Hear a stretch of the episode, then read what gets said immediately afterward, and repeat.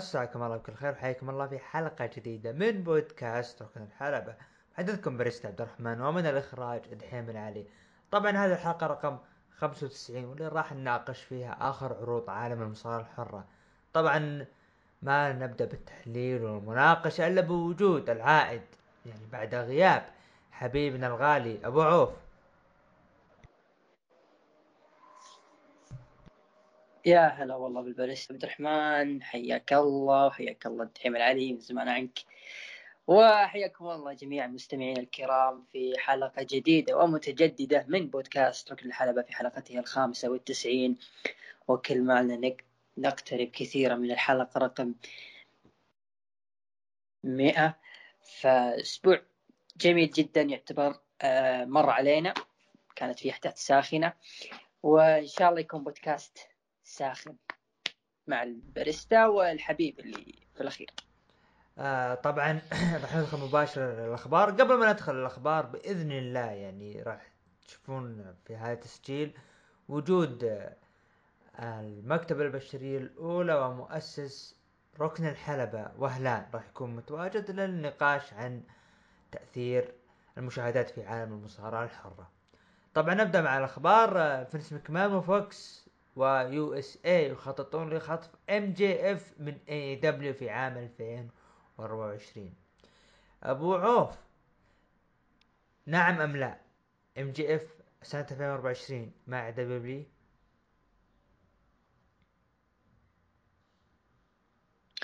آه هذا التصريح وهذا الخبر ذكرني بتصريح ينسب ل MJF. أعتقد كان shoot على توني خان.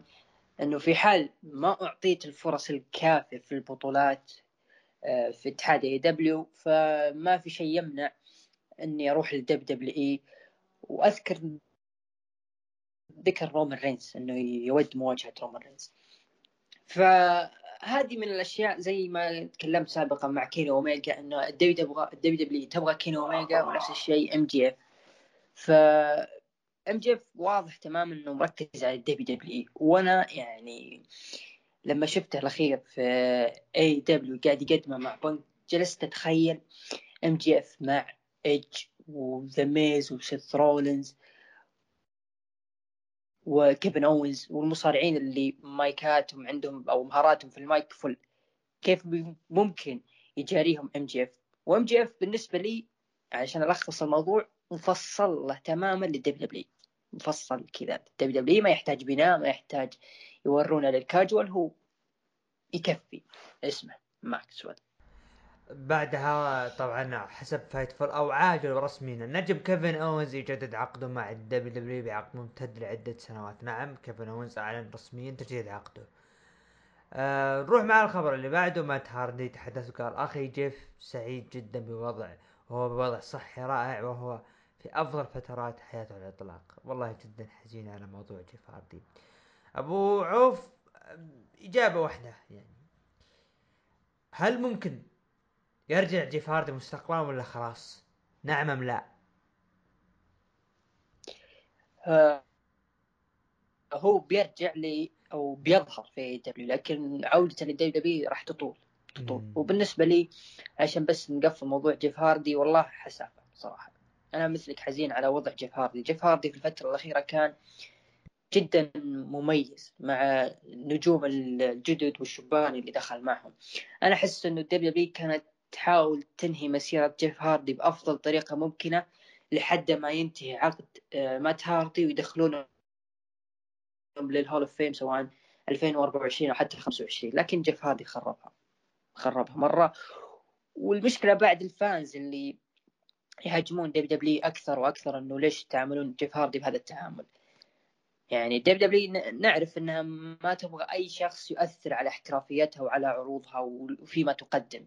ولا ننسى اللي سواه جيف هاردي في Victory Road عام 2011 الحادثة الشهيرة في TNA كذلك أبو عوف يعني سابقوا نجوم كثيرين بدون ذكر أسامي صارت مشاكل لها. ما يبغون اللي تكرر بالسابق يتكرر الآن. ندخل الآن مع عرض SmackDown. طبعا دخل سامي زين بالضبط. دخل سامي زين العربيه وكان متكسر ورايح فيها. آه أه تسمح لي أمسك SmackDown؟ روح روح SmackDown. عادي أمسك SmackDown. حبيبي. طيب معلش. نبدأ بعرض SmackDown مع سامي زين اللي دخل بالعربية ومتكسر. آه وقال اسمي سامي زين أنا أقوى رجل في الاتحاد. ولا تحكمون على حالتي الآن بل أحكموا وش السبب اللي وصلت له. وأن أقوى شخصين في الرياضة قدروا يجلسوني بالكرسي. رومان رينز وبروك ليزنر وأن كيف هذولي ما يحبون بعض واتفقوا علي. سرقوني. وبروك أكثر شيء سبب لي الألم هو خيانتي. وأنا أبي أقاضي آدم بيرس وسونيا ديفل. لأن المباراة هذيك المفروض ما تصير والمفروض أحتفظ بفرصتي وبقاضي بروك ليزنر ورومان رينز وبول هيمن.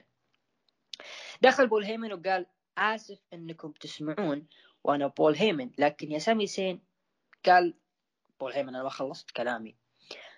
قال ابعد عن الكاميرا ورد بول بكلمة أص وصار تحارش بينهم. اسكت واسكت. وقال سامي زين إنه رومان رينز ما هو موجود الليلة وأنت هنا لحالك وبدأ يهدى ويحشر بالزاوية لكن دقت موسيقى بروك ليزنر. دخل بروك ليزنر وسأل عن حال سامي وتكلم عن حالته وقال سامي. بروك اسمع لكن سامي زين. أسكت وقال شفت حالتي ومشاعري وبروك اعتذر عن اللي صار الأسبوع الماضي. أه قال بسألك أنت كنت تتوقع تفوز على رومان رينز لحالك؟ أنا سديت أسدد أسديت لك معروف يا سامي وقال سامي لحظة أنت الحين تسببت باصابتي علشان رومان ما يفوز علي. قال بروك صحيح. أنا رجل كندي وأنت رجل كندي أبي أدعوك لي آه، ساسكاتشوان نصيد مع بعض وقال سامي أنا نباتي لكن بروك قال روح لهوليوود إذا أنت كذا وبروك دف سامي لكن هيمن مسك المايك وقال وش صاير؟ بروك تدف كأنك بمستشفى وصار لك قبل ثلاث سنوات مثل هالشيء يروح لمدينة Suplex City والحين تبي تصيد معه. نبي نشوف الوحش القاهر the monster بروك. ليزنر فجأة بروك جلد الممرضين مع سامي زين وأعطاهم F5 رأيك بسامي زين وبروك ليزنر؟ خلينا نقول يعني بروك ليزنر مختلف. لا هو بروك ليزنر 2002 ولا هو بروك ليزنر اللي كسر السلسلة. بروك ليزنر مختلف تماما. استمرار وجود سامي زين يعني في عرض SmackDown افتتاحيات عرض SmackDown يعطيك إنه في ثقة من فينس كمان شخصيا لهذا النجم. بأنه قادر وقادر وليش لا؟ ممكن يحقق يوم ما لقب ال Universal. وجود بول هيمن بروك ليزنر بروك ليزنر اللي شخصية ال tweener اللي يعني الجمهور يضحك لما يشوف بروك ليزنر. لكن شخصية الوضع بول هيمن اللي جالس يعني مثل ما يقولون يقط آه، يرمي مثل يقول السنارة ويخلي بروك يروح لها. فيعطيه يقول أنت الوحش وانت القاهر؟ ليش ما تسويها يعني؟ مو معقول إنه الشخص هذا قبل لو نرجع قبل ثلاث سنوات كان يروح مدينة Suplex City. والآن تدف يعني وتسوي نفسك إنه أوه ترحمه. فهنا يبدو لي بول هيمن يلعب على الوتر حساس. هنا الآن نرجع للعداوه السابقة رومان رينز وبروك ما قبل Crown Jewel ووضع بول هيمن الآن في لمحات إنه لا زال بول هيمن ممكن يقلب ممكن لا. فبروك يعني من النجوم اللي الرائعين. تتخيل إنه بشهرين أو ثلاث شهور قدر يقدم أشياء نص المصارعين اللي يطلعون اسبوعيا نص المصارعين اللي يطلعون اسبوعيا ما قدروا يقدمون اللي سواه بروك ليسنر. فيحسب له بروك ليسنر إنه قدم أشياء جميلة حتى اللحظة هذه. مستاهل مستاهل بروك. أه سؤال لك. هل اسلوب سامي زين واللي جالس يقدمه سامي زين هل هو مشابه تماما لطريقة WW مع كوفي كينغستون ودانيال براين ولا الأمر مختلف؟ لا لا مختلف. سامي زين آه، مثل الطفل اللي يقولون يعني تبغى اللعبة يركض ورا اللعبة. فهذا وضعه مع بروك ليسنر. بروك يعطيه كلمة وهذاك يصدق. ولا زال سامي زين مقتنع إنه الإدارة في مؤامرة عليه. فتختلف قصة دانيال براين وكوفي كينغستون تختلف 180 درجة. هذاك شخص ميد كاردر أو أقل من ميد كاردر مستحيل يحقق لقب الدبليو وهذا الشخص يعني سلبت منه الفرصة. هذا الفرق بينهم. تمام. آه بعدها شفنا مباراة بين ريك بوغز ناكامورا ضد لوس لوثاريوس انتهت بانتصار فريق ناكامورا وريك بوغز خلف الكواليس كوفي كينغستون قدم تاج جديد للملك وودز. درو ماكنتاير دخل على آدم بيرس وقال ليش ما حطيتني؟ آه ورد بيرس قال أنا مالي دخل هذا الإدارة اللي فوق وحط السيف بنص الطاولة وطلع. درو ماكنتاير ضد شيمس انتهت بانتصار لدرو ماكنتاير. في في في نقطة بخصوص اللي صار أه حاليا شبه ما يعني كويس انهم مبتعدين تماما عن دائرة الألقاب واللي قاعد يصير بال main eventer عشان ما يحرقون كرته ويحرقون مباراته ضد رومان رينز. اعتقد أعتقد درو أه درو ماكنتاير آه راح ممكن يواجه شين مكمان دام ذكر آدم بيرس إنه الإدارة اللي فوق.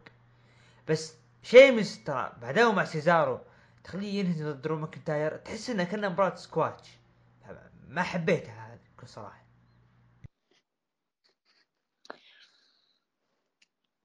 في غرابة في غرابة في هذه المباراة. يعني شيمس وسيزارو حتى سيزارو يعني منقطع هذه الفترة ما ادري إيش صار عليه.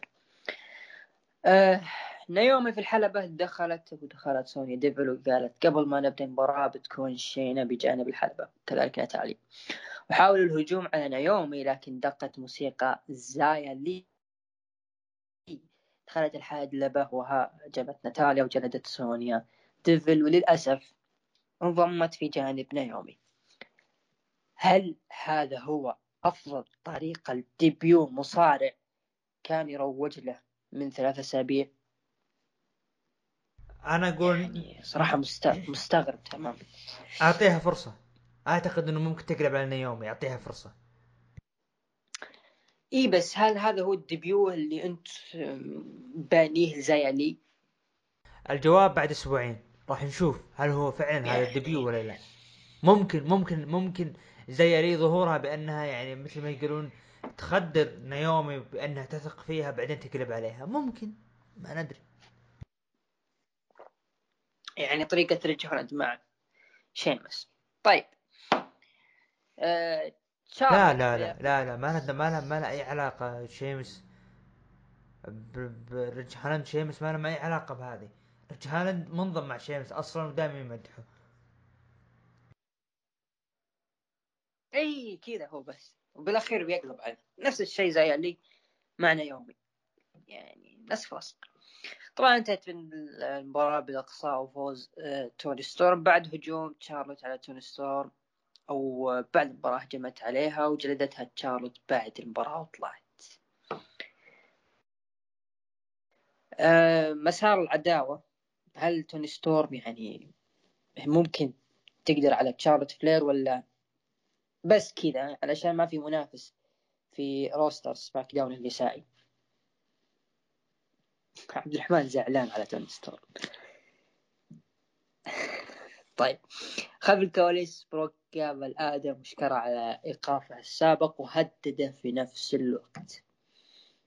ال main event يعني للأسف ما يعني مباراة ما روج لها كبير وما شفت لها يعني ناس تتكلم عنها كثير اللي هي مباراة الأوسوس ضد الار كي برو ضد النيو داي. تقريبا أفضل آه، فرق موجودة حاليا في الدبليو دبليو طبعا انتهت المباراة بانتصار لفريق النيو داي كيف شفت المباراة أبو يعني مثل هذه الثلاث فرق موجودة عندك. تتخيل إن في حلبه واحدة. ابطال إيش الإبداع اللي ممكن يخلقون ما هو الإبداع. أبطال فرق يفو يعني يخسرون من آه النيو داي.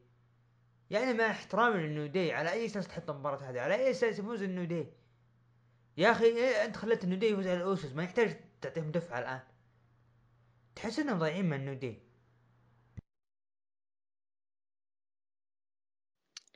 كلهم كلهم. لا إكزيفير وودز يعني جالسين يقدمونه ك king بطريقة يعني كويسة. بيجي حتى هناك في لقب الدبليو دبليو شوي ها ركيك فنيو داي عشان كذا دبليو أحس انها فعلا كانت خايفة من انفصال نيو داي. فأعطتها يعني هذا الانتصار على الأوسوس. إعادة إنعاش. New Day وال Bloodline و New Day رغم انه أصلا عداوة مستقبلا راح تكون ال Bloodline والاثاره وتكون بعودة ذا ولا جون سينا إذا ما رجع ذا آه هذا فيما يخص عرض SmackDown تقييمك يا أبو داحم للعرض. أعطيها خمسة ونص من عشرة. خمسة ونص من عشرة أنا أعطيها عفوا عفوا. عفوا أعطيها سبعة من عشرة طيب أه نروح لتقييم الأخوان في ركن الحلبة. 95 من 9 إلى 10 أعطوه 14% من 8 إلى 5 أعطوه 55% وأقل من 5 أعطوه 31% هذا هو تقييم آه عرض SmackDown في الهاشتاج. طبعا عرض SmackDown حقق مشاهدات بلغت مليونين و142 ألف مشاهد بارتفاع كبير الأسبوع الماضي ب 112 ألف. لنتذكر بأن رومان رينز ما ظهر هذا الأسبوع. طيب هذا فيما يخص عرض SmackDown لهذا الأسبوع. ننتقل الآن للعرض الأحمر مع الباريستا آه على فكرة بروك كان موجود يعني ما يحتاج رومان رينز. طبعا افتتح عرض ال Raw بوبي لاشلي و MVP وتحدث بوبي لاشلي ما حدث الأسبوع الماضي هو نتيجة لإهانة الوحش. Almighty قال MVP إنه عدم وضع بوبي لاشلي على صورة اللقب يعني بمثابة إهانة. وكيفن أوينز وسيث رولينز يعني شفناهم الأسابيع الماضية صياح وكأنهم أطفال وليش تاخذ فرصتي وهذه فرصتي؟ آه ف فأكمل حديثه بأنه يعني مفترض أنه بوبي لاشلي يستمر. أنه يدخل في هذه الصورة مع بيج إي يعني قال كيف إنه بيج اي إنه شخص بطل. طبعا دخل كيفن أوينز قال رغم إنه بين سيث إن بيني وبين سيث رولنز مشاكل لكن يعني إحنا على مباراة وأنت بوبي لاشلي ما لك أي علاقة. طبعا سيث رولنز قال يعني بصراحة يعني أتفق معك يا كيفن اونز بوبي ما له دخل المباراة. بعدين قال بوبي لاشلي تعالوا اثنينكم الحلبة ونتفاهم ويعني آه طبعا دخل بيج إي وقال إنه ترى أنت تتكلمون عن اللقب ألا آه، تتحدثون عن اللقب دولي دون وجود حامل اللقب اللي هو أنا. لكن دخلوا الإداريين وقالوا okay بوبي لاشلي بنعطيك فرصة. إذا فزت مباريات الليلة راح توقف ال Day 1 اللي هي تلعب ضد سيث رولنز وتلعب ضد كيفن أونز تلعب ضد بيج إي إذا فزت في المباريات الثلاث هذه راح تدخل على صورة اللقب. طبعا تحدي صعب هذا. رأيك أبو عوف هل هو فعلا يعني لهذه اللحظة تحدي صعب إنه يدخل بوبي لاشلي ويكسر النجوم الثلاثة هذولا.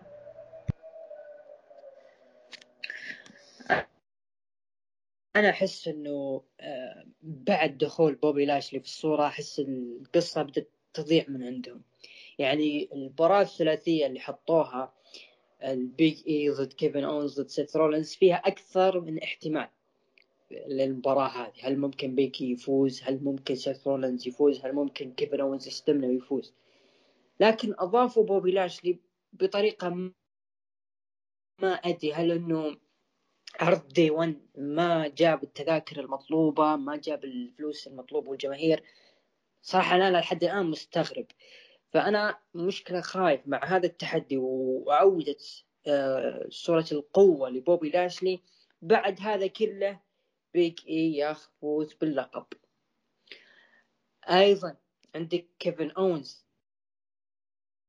وسيث رولنز يعني إحنا راح نجيهم للعرض يعني كان في بناء لهذول الاثنين والمشادات اللي بينهم وكان في تبادل بالانتصار جاك بوبي لاشلي بطريقة ما مسحهم على الأرض تماما. ف أنا ما أدري ليش أسلوب ال WWE كذا يعني لما تبغى تبني نجومها أو حتى تبني بطل Royal Rumble ممكن يكون يا عم رولينز أو حتى كيفن اونز لابد يطلعونه إنه متنمر وإن فرصة جالسة تضيع وحالته حالة وإنه ضعيف علشان بس يكسب ود الجماهير. طيب الجماهير هذول casuals بإمكانك تكسبهم ببطل قوي وش المشكلة؟ ما عندهم مشكلة. لذلك إضافة بوبي لاشلي فيها عدد من المخاطرات إنك ممكن تخسر يعني مصداقية بوبي لا بوبي لاشلي إذا فاز ممكن تكون له مصداقية إنه راح يفوز. لكن البناء اللي كان عليه سيث رولينز وكيفن اونز هنا مشكلة لأنه في اثنين لازم تضحي بواحد منهم علشان القصة تمشي صح. وأنا في رأيي هو يعني أحس ال WWE ما هي مقتنعة ببيج إي كبطل فحطت كيفن اوز ثرونز لعل وعسى إنه الاثنين ممكن قادرين يشيلون لقب ال WWE على الأقل في موسم ال WrestleMania وحطوا لك بوبي لاشلي في نفس الوقت. لكن في حال إنه بيج اي أخذ اللقب أو حافظ عليه هل التغير اللي صار في عرض Raw وفي المباراة هذه بالأخص يسوى بالاخير حافظ بيج إي على لقبه ولا لا؟ هذا عدة نقاط استفهام ال WWE يعني عدة تساؤلات لل WWE ليش تمت إضافة بوبي لاشلي في هذه المباراة؟ الواضح قدامي إنه ممكن بوبي لاشلي ياخذ اللقب وتصير بينهم rematch في Royal Rumble كيفن اوينز راح ياخذ ال Royal Rumble سيث رولينز راح يقابل بوبي لاشلي أو بيجي في العروض اللي تسبق ال Royal Rumble آه WrestleMania وكيفن اوينز راح يواجه بوبي لاشلي أو يخسر بوبي لاشلي قبل WrestleMania وتصير مباراة ثلاثية في WrestleMania. بعدها مباراة ما بين مات ريدل ضد اوتس فاز فيها اوتس هذا طبعا جالس يفحط مستانس إنه اوتس فاز. عموما مباراة دودروب ضد بيانكا بلير فازت فيها بيانكا بلير. هذه ماندي روز تلقاها. لكن دودروب جلدتها جلد بعدهم. كيفن اوينز صرح إنه ما حدث يعتبر هراء بس يحاول يمنع بوبي لاشلي من الدخول للمباراة. مباراة كيفن اوينز ضد بوبي لاشلي. فاز فيها بوبي لاشلي. سيث رولينز يقول يعني بسرعة استسلم يعني غريبة. أوكي أنا بصير التالي للمباراة. بيكي لينش دخلت وتحدثت عن تحدثت إنه جميل العودة للعرض مثل ما حدث الأسبوع الماضي. لما فزت على ليف مورجن كلكم زعلتوا ولا أبو عوف. قالت وينكم لما كنتوا تقولون؟ يعني يعني يعني وينك لما رجعتي؟ يعني قلبتوا علي. أنتم الحين معي؟ والحين قلبتوا علي. مثل هذيك البنت اللي تطقطقون عليها. فدخلت ليف مورجن قالت أوكي بكينش أنت الأفضل لكن بالغش طريقة الفوز معناها إن أنت كنت قريبة ب... إني أنا كنت قريبة من أن أكون بطلة النساء ال Raw. وهذا ما حصل. إذا وافقت في عرض 1 يعني باخذ فرصة طبعا بيكي قالت لا تحذرين. خلاص أنت ما انت مستعدة وأنت دائما كذا. صار محارش بينهم. انتهت لصالح بيكي لينش اللي وافقت على التحدي. ما راح أخذ رأيك لأنه أنت بتقول آه، ليف مورجان إي جي ستايلز يصرح إنه هو واوموس كان فريقين استثنائي استثنائي وكنا الأفضل وما حدث هو خطأي وهو سوء فهم سأصبح ذلك. وأوموس قال يعني أوكي الأمور طيبة بيننا. بعد مباراة فين بالر وداميان بريست ما أدري شو بعد. Dirty Dawgs فاز فيها Dirty بسبب تشتيت أوستن ثيري لفين؟ بالر بعد مباراة ريا ريبلي ضد آه كوين زيلينا فاز فيها كوين زيلينا مباراة بوبي لاشلي ضد سيث فاز فيها. سيث رولينز بال DQ لكن بسبب تدخل كيفن أوينز. مما يعني إن بوبي لاشلي ما راح يشارك في البطولة لكن دخل آدم بيرس واعلن اعاده المباراة تم إعادة المباراة وفاز فيها بوبي لاشلي عن طريق ال spear أوستن ثيري دخل عند فينس مكمان وورى صورة سيلفي في بالور قال الحين داخل طول العرض حسب اللي كنت صديقي. قال اوستن ثيري أنا أحاول أثير إعجابك. ولأني إذا سويت الأشياء اللي تبيه يعني فاسكت وقال إنه المفروض أنت يعني بدأ يوجه له النصائح. بعدها Miz TV لكن هذه المرة ماريس ماريس هي مذيعة. وميز هو ضيف دخل ميز وقال إنه هناك نجم رشحناه يكون هو قاعة مشاهير عام 2020 وهو طبعا طلع ميز وقال إنه يعني يعجز عن التعبير لكن دخل اللي هو ايج وقال الناس دائما يتكلم عن Hall of Fame كثير كثير كثير وقال أنا ما خلصت. فبدأ محارش بينهم وقال إنه يعني أنا أبغى أقابلك في Day 1 وأنت تعتبر خصم قوي يعني. لكن شفنا ذا ميز جلد أو ضرب إيج. لكن إيج قام وكان ينفذ ال spear لأنه تفاجأ كان منفذها على ماريس. لكن ذا ميز جلد إيج وماريس طلعت زعلانة لأنه ليش سويت كذا؟ ليش أنت ضحيت فيني يا ذا ميز؟ طبعا أعطته كف وطلعت. انت راضي باللي صاير بعداوة ذا ميز وإيج. للأمانة لا. وإضافة ماريس بينهم ماني مقتنع فيها يعني الاسمين يعني ما يحتاجون إضافة يعني ماريس والجذب الانتباه الزايد لها. يعني أنا بالنسبة لي إضافة ماريس بينهم هذه بسبب التعويض لجون موريسون فقط لا أكثر. لكن متحمس للمباراة فقط للأسمين الكبيرين يعني ايج وذا ميز وإنه يعني دبليو تعرف إنه ممكن ذا ميز راح يكون Hall of Fame مستقبلا والأمانة يستاهلها. لكن يعني خلال أسبوعين أو ثلاث أسابيع وإيدج جالس يجلد ذا على المايك. وإحنا عارفين ذا يعني في المايك ما يرحم. فإيش الأسلوب اللي الدبليو جالسة تطلع منه ذا ميز تبغاه تبنيه underdog ولا تبغاه تبنيه ك آه... tweener ولا مكروه؟ يعني بس ما هو ذاك المكروه زي داميان بريست في شيء غريب في أسلوب ومسار العداوة بين ذا ميز وايدج وهذا اللي ممكن يقلل أهميتها كالمشاهد في عرض Raw رغم إنه الاسمين كبيرين صراحة. أه بس بختصر الأحداث اللي قبل إنه فين بالور داميان بريست والدوجز يعني نفس الشيء يعني. فين بالر يعني انت أنا بالنسبة لي أنا رشحته إنه ممكن يكون هو آه، بطل رويال رامبل 2022 كان في بالي مسار يعني بيكون فين بالر يعني top ال top وراح يوصل مستوى ما راح يوصل له ابدا في قادم الازمنه في ملفات لحد الآن ما فتحت لا ملف مع رومان رينز ولا ملف مع جون سينا. على طول سكروا الملف وكأن ما شيء صار. أه ستايلز وأسلوبه مع أوموس للأمانة تقليل تقليل من ستايلز وإنه هو اللي راح يسوي وأنا الغلطان وهذه. ما هي حلوة ما هي حلوة الستايلز حتى لو كان في نهاية مسيرته.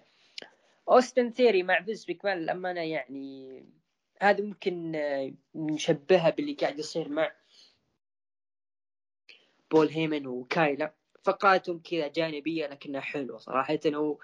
ولما قال فينس مكمان راح أستخدم اسوء سلاحين أنا قلت بس you're fired you're fired لكن طلع إنه هذا القلم أنا كنت يعني زي ما نقول أفسخ في عقود المصارعين. فانتبه لا تكون ال next. ففقرات جميل حلوة صراحة. و Day 1 يعني تقريبا باقي أسبوعين على Day 1 وحتى نهاية السنة. فال WWE يعني مهتمه كثير في عرض Day 1 وكيف ممكن تكبره و أنا بالنسبة لي إذا كانت ال WWE راح تقدر تستعيد آه، توهجها بعد عمليات فصل العقود آه، وترجع أهمية راسلمانيا من جديد آه، هو راسلمانيا كموسم ما يحتاج يعني بناء الناس راح ترجع تشوف لكن لابد يكون في شيء يعني يزيد من حماس الجماهير ف Day 1 راح يكون مؤثر تماما تماما. نفس ما يقابل New Year's Revolution في فترة ال Ruthless Aggression ف Day 1 راح يكون له تأثير كبير في آه، موسم راسلمانيا 38 وراح يبنى عليه أشياء كبيره. طبعا أنت تكلمت عن ال main event صح؟ من بينها مباراة لقب WWE. أنت تكلمت عن ال main event فوز بوبي تقريبا إيه. طبعا. يعني الأمانة اللي صار يعني وأسلوب أسلوب كيفن اونز صراحة ما عجبني تماما إنه هل هذا هو شكل يعني أو يوحي بأنه هو بطل رويال رامبل العام القادم. بس حتى بوبي لاسلي ما أمداه يسوي الكاتش هذه على طول استسلم. كذا بس رفع يده أو ذراعه استسلم كيفن اونز مو معقول والله كلام سيث رولنز إنه هذا كيف استسلم بهذه بهذه السرعة. صراحة كلامه واقعي. ابدا ما هو منطقي. حتى أسلوب لما دخل آه، كيفن اونز وخرب على بوبي لاشلي أنا تمنيت هذه تصير مع بيج إي. ليش لا؟ لقب WWE لازم يحافظ على لقب ال WWE. وأنه اثنين الخصوم قدامهم بالنسبة له سهلين. فدخول بوب بوبي لاشلي الوحش وال monster بطل سابق WWE ولا أخذ rematch معي لازم إنه آه تكون فيه آه زي ما نقول تجهيزات تمنع بوبي لاشلي شفنا في عرض Raw بيج إي جالس يكتب ملاحظات خلال المباريات. فتخيل معي لو الأسلوب اللي ظهر فيه كيفن اونز وانقذ فيه أبو داحم أبو داحم. يكون في أبو داحم الدحيم العالي من بعيد قاعد يهاوش يقول ليش آه، على طول آه، قفل عرض ال Raw وانت ما تكلمت عن الحدث الرئيسي؟ يقولوا لازم أتكلم عن الحدث الرئيسي. طبعا آه، الحدث الرئيسي بقي طيب تكلم عنه.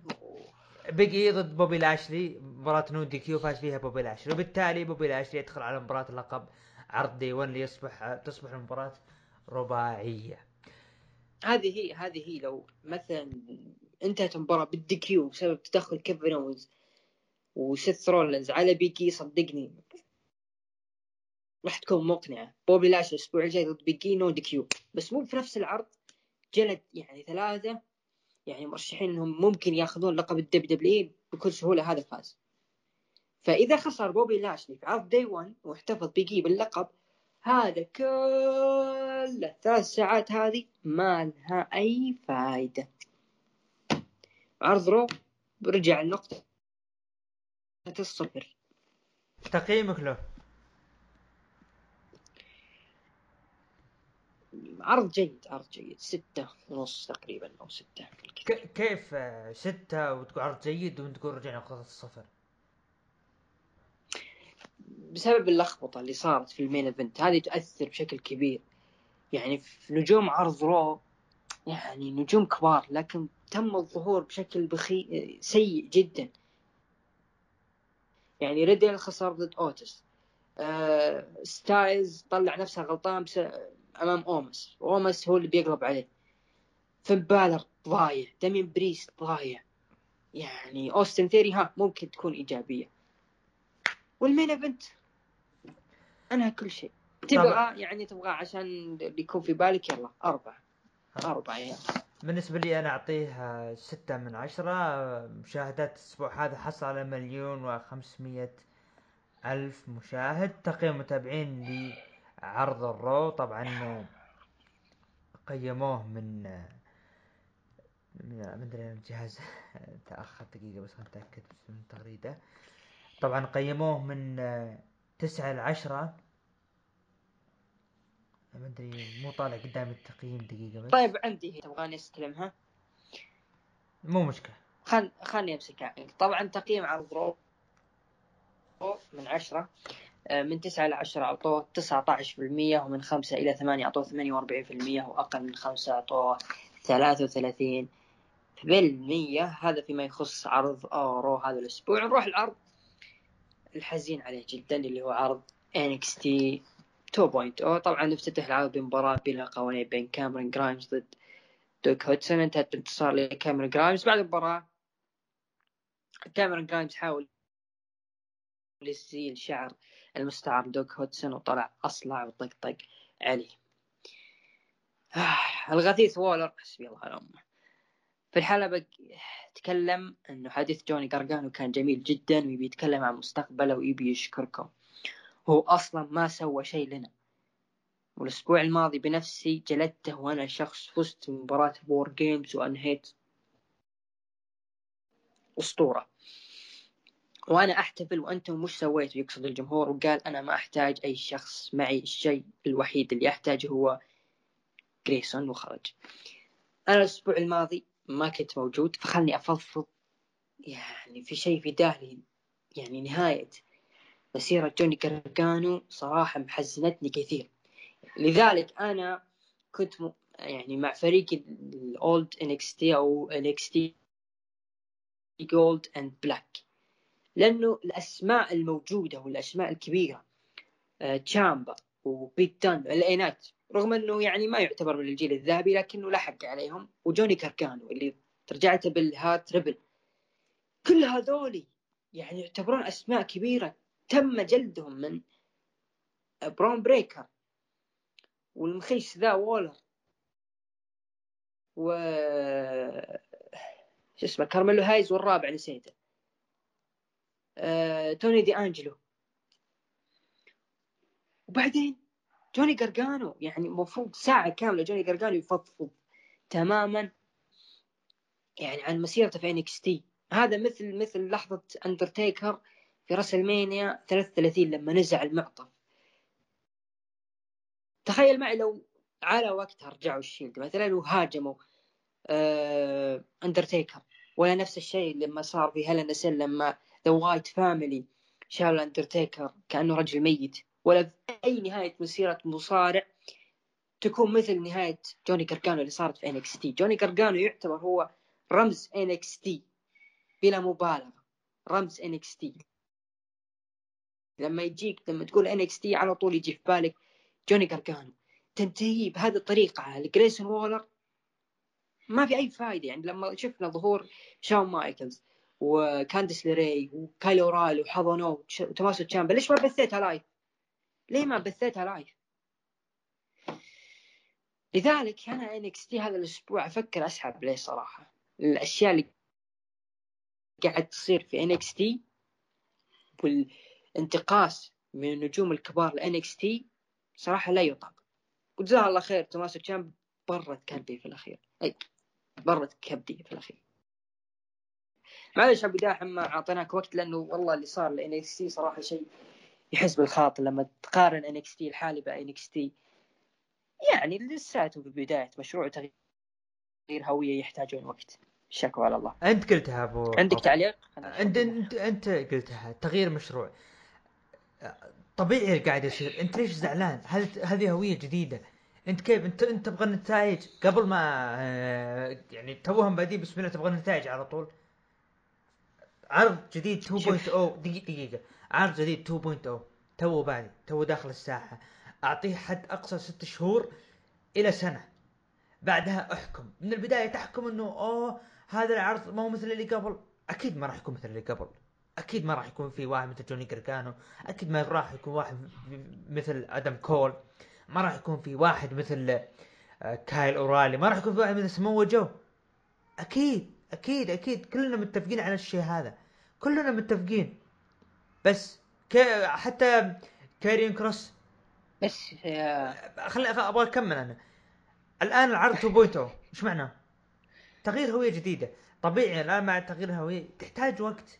كيف أنت تحكم قبل ما يعني ما نعطيهم فرصة؟ على طول ما راح يكون مثل العرض القديم. أكيد ما راح يكون. تونا بادين أكيد في نجوم جدد. شلون؟ مستحيل نجم يجيك. يعني مثلا خلينا نقول دوك هودسون مستحيل بيكون مثلا ستيف أوستن بيوم وليلة. لا يبغى له شغل. أنت NXT هل أنت من أول ما طلع حبيته؟ لا. صح ولا لا؟ NXT عرض NXT بالذات. سؤال لك يا أبو من يوم ما طلع بالساحة؟ شوف نتكلم بداية نتكلم 2011 كان رخيص. لا لا نتكلم 2014 هل أنت من, من أول شهر قلت أوه هذا راح يكسر الدنيا وهذا هو اللي راح يقلب الموازين؟ لا. ما حد كان متوقع إنه بيوم من الأيام ال NXT شوف راح انا خلينا نكمل. طيب. إنه NXT ما راح يغير هوية ال W ما راح يكون عرض قوي. فطبيعي هذا الآن الوضع الآن كأننا بادين NXT من جديد. الاستعجال ما هو زين. أنا بالنسبة لي أنا بعد سنة أنا أنا الآن معجب باللي قاعدين يقدمونه لكن ما راح أحكم. أنا أنتظر سنة كاملة بعدها أحكم. رائع كيف عجب كيف تتم نهاية يعني نجوم كبار على هذول النجوم. كذا عجبك نهاية قرقانو. جوني جرجانو بيرحل لازم استفيد منه. لازم لازم أعطي دفعة قوية للنجم. يعني أوكي ليش بهذه الطريقة؟ ليش أنت أنت تبغى أنت تبغى معلش جوني جرجانو يطلع ويبكي ويصايح ويطلع نهاية العرض ويمشي؟ لا خل استفيد منه.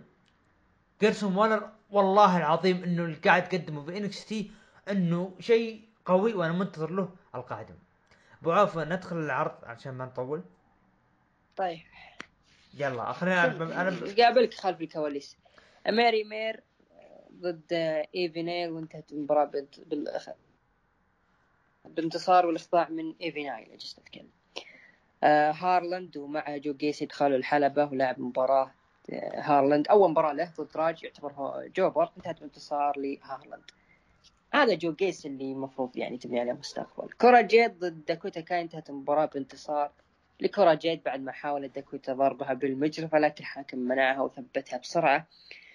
بعد المباراة داكوتا جلدت جيد يعني لكن دخلت راكيل وبعدها عصابة Toxic دخلوا وماندي روز هاجمت جيد.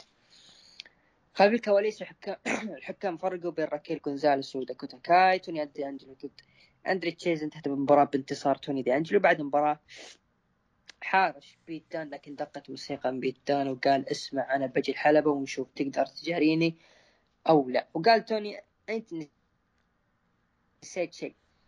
صح. شوف الزاوية. حامي السنون وهد وهداه توني وقال أنا عندي أعمال الأسبوع المقبل نشوف وعندي صفقة وهي فجأة حاول الهجوم على بيت دان لكن دان جلده كسر حامي العلبة وليس حامي السنون. أه عندك تعليق بخصوص الأشياء اللي صارت؟ توني أنجلو ضد بيت دان. أه أكيد أكيد في صالح توني دي انجلو الشخصية اللي قاعد يقدمها توني دي انجلو جميلة.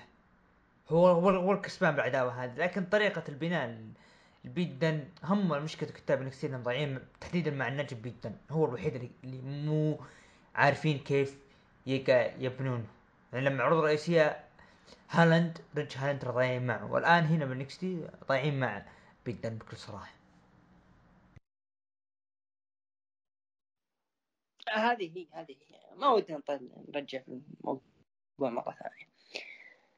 بوا ضد أدريس إينوفي انتهت المباراة بانتصار بوا بوا يحاول يقوي نفسه بعد ما سحبت عليه زايلي الفريق Jacket Time ضد Grizzled Young انتهت المباراة بانتصار فريق Jacket Time. يذكر إنه Grizzled Young كانوا يعني من الفرق اللي ممكن تكون مصنفة على لقب NXT خلف الكواليس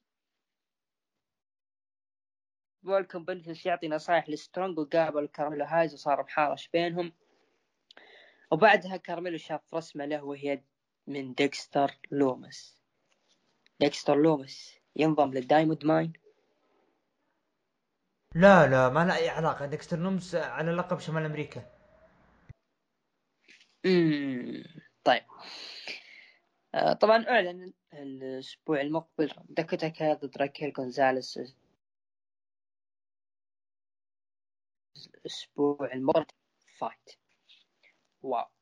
آه رودريك سترونج ضد برون آه بريكر فاز. وانتهت المباراة بانتصار برون بريكر بعد المباراة. هجوم من توماسو تشامبا على برون بريكر. برت سبتي صراحة توماسو تشامبا. برت سبتي. آه تعليق على ال main event أو حتى له آه داكوتا آه كاي ضد راكيل جونزاليس متوقع منها شيء؟ أتمنى تكون هذه مسك الختام خلاص. داكوتا كاي وراكيل جونزاليس العداوه هذه أتمنى تتقفل هنا خلاص. خلاص كفلوها وانتهينا. هذه نقطة. نقطة بخصوص آه توماسو تشامبا توماسو تشامبا دخوله بأنه تعال أنت يا برون بريكر. من أنت اللي شايف نفسك؟ أنت فزت ب WarGames. من أنت يا حبيبي؟ أنا لازلت موجود. أنت تقول إنه أنت كسرت شوكة مثلا. نجوم NXT القديمين لا يا حبيبي ما كسرت شوكتي أنا. أنا دقيتك على اللقب والآن داخل عليك أدقك. ف main event جميل جدا. مباراة حلوة و واللي صار بعد مباراة جدا جميل يعني بصراحة. بالنسبة لي أنا أعطيه العرض ستة ونص من عشرة.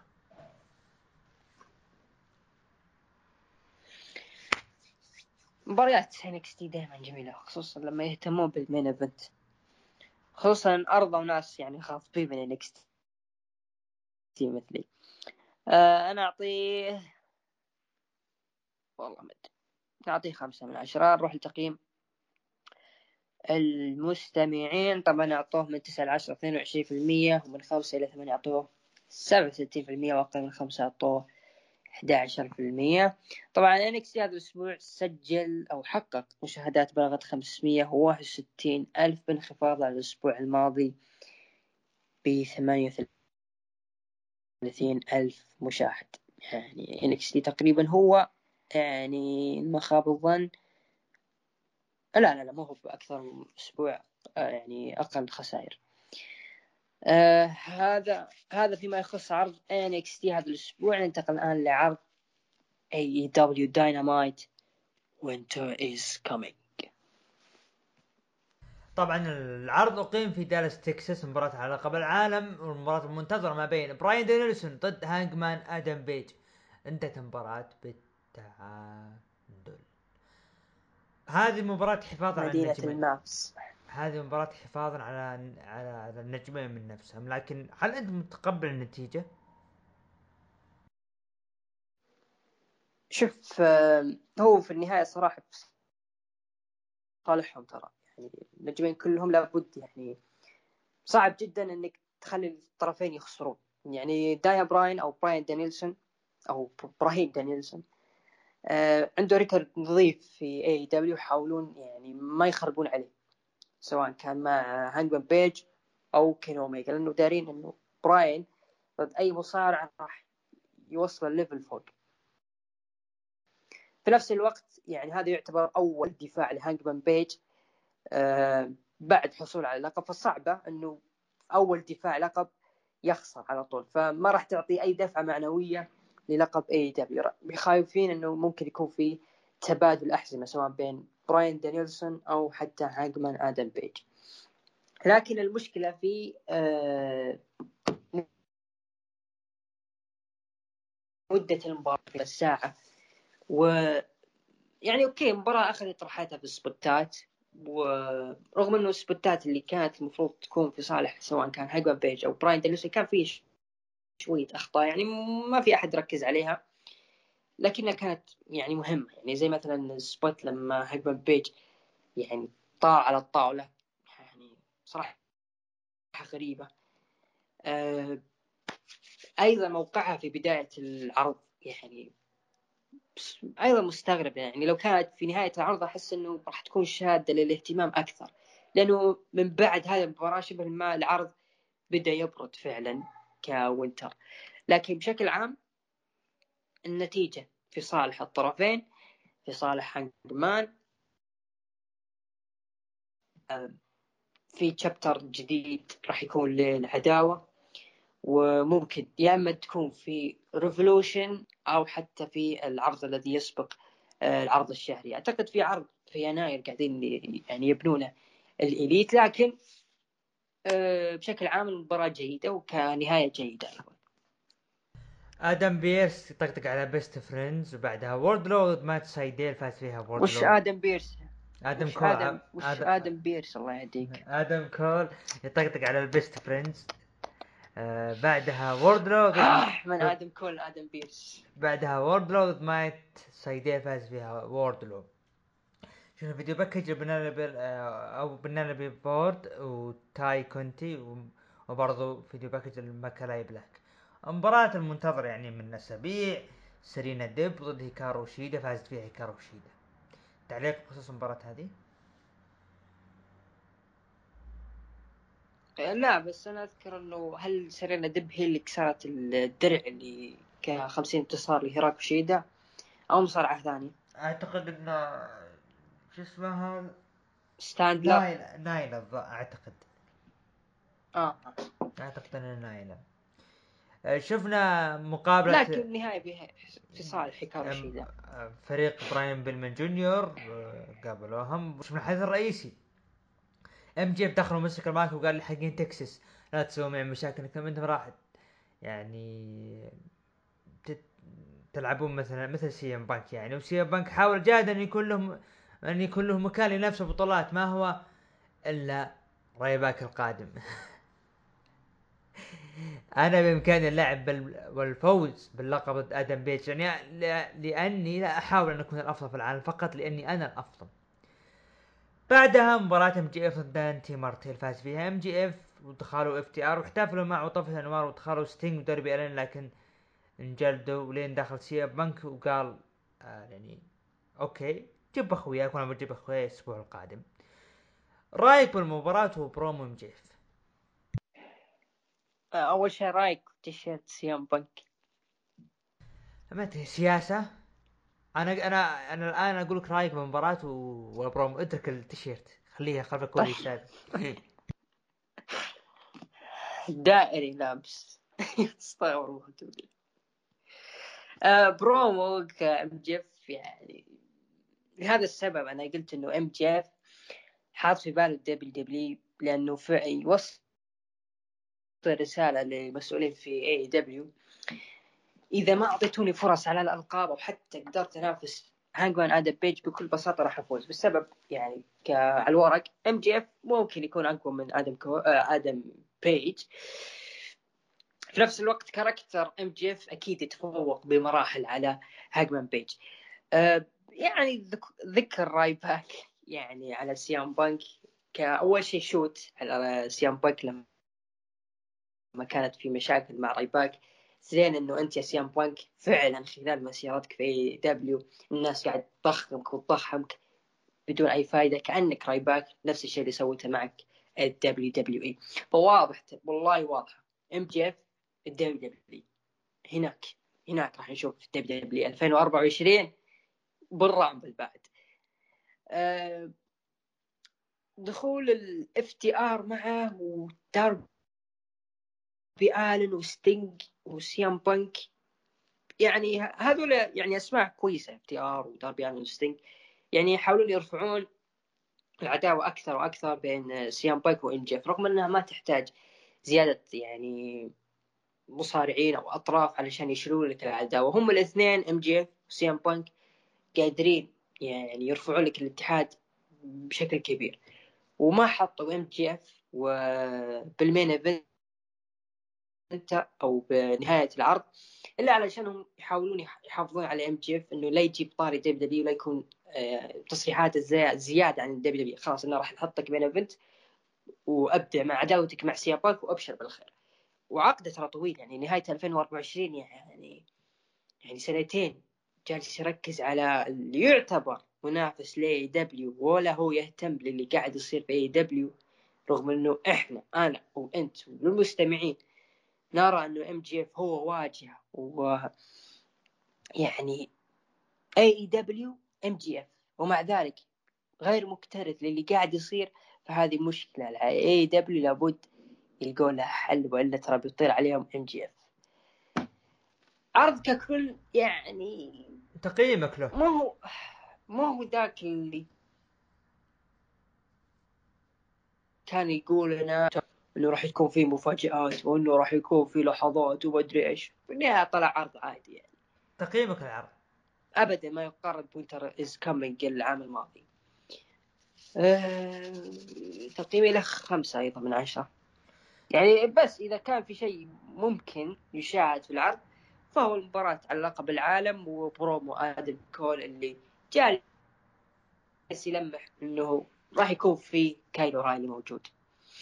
آه بالنسبة لي أنا اعطيه تقييم ستة ونص من عشرة. لم الشبل الاندسبيوتد ونروح لتقييم المتابعين لعرض AEW Dynamite من 9 ل 10 قيموه 35% ومن 5 ل 8 قيموه ب 52% وأقل من 5 قيموه ب 11% مشاهدات عرض اللي هو AEW Dynamite الأسبوع هذا حصل على 948 ألف مشاهد. الآن نروح للفقرة المنتظرة النقاش مع حبيبنا وأسطورتنا والمكتبة البشرية. وهذا نرجع لكم.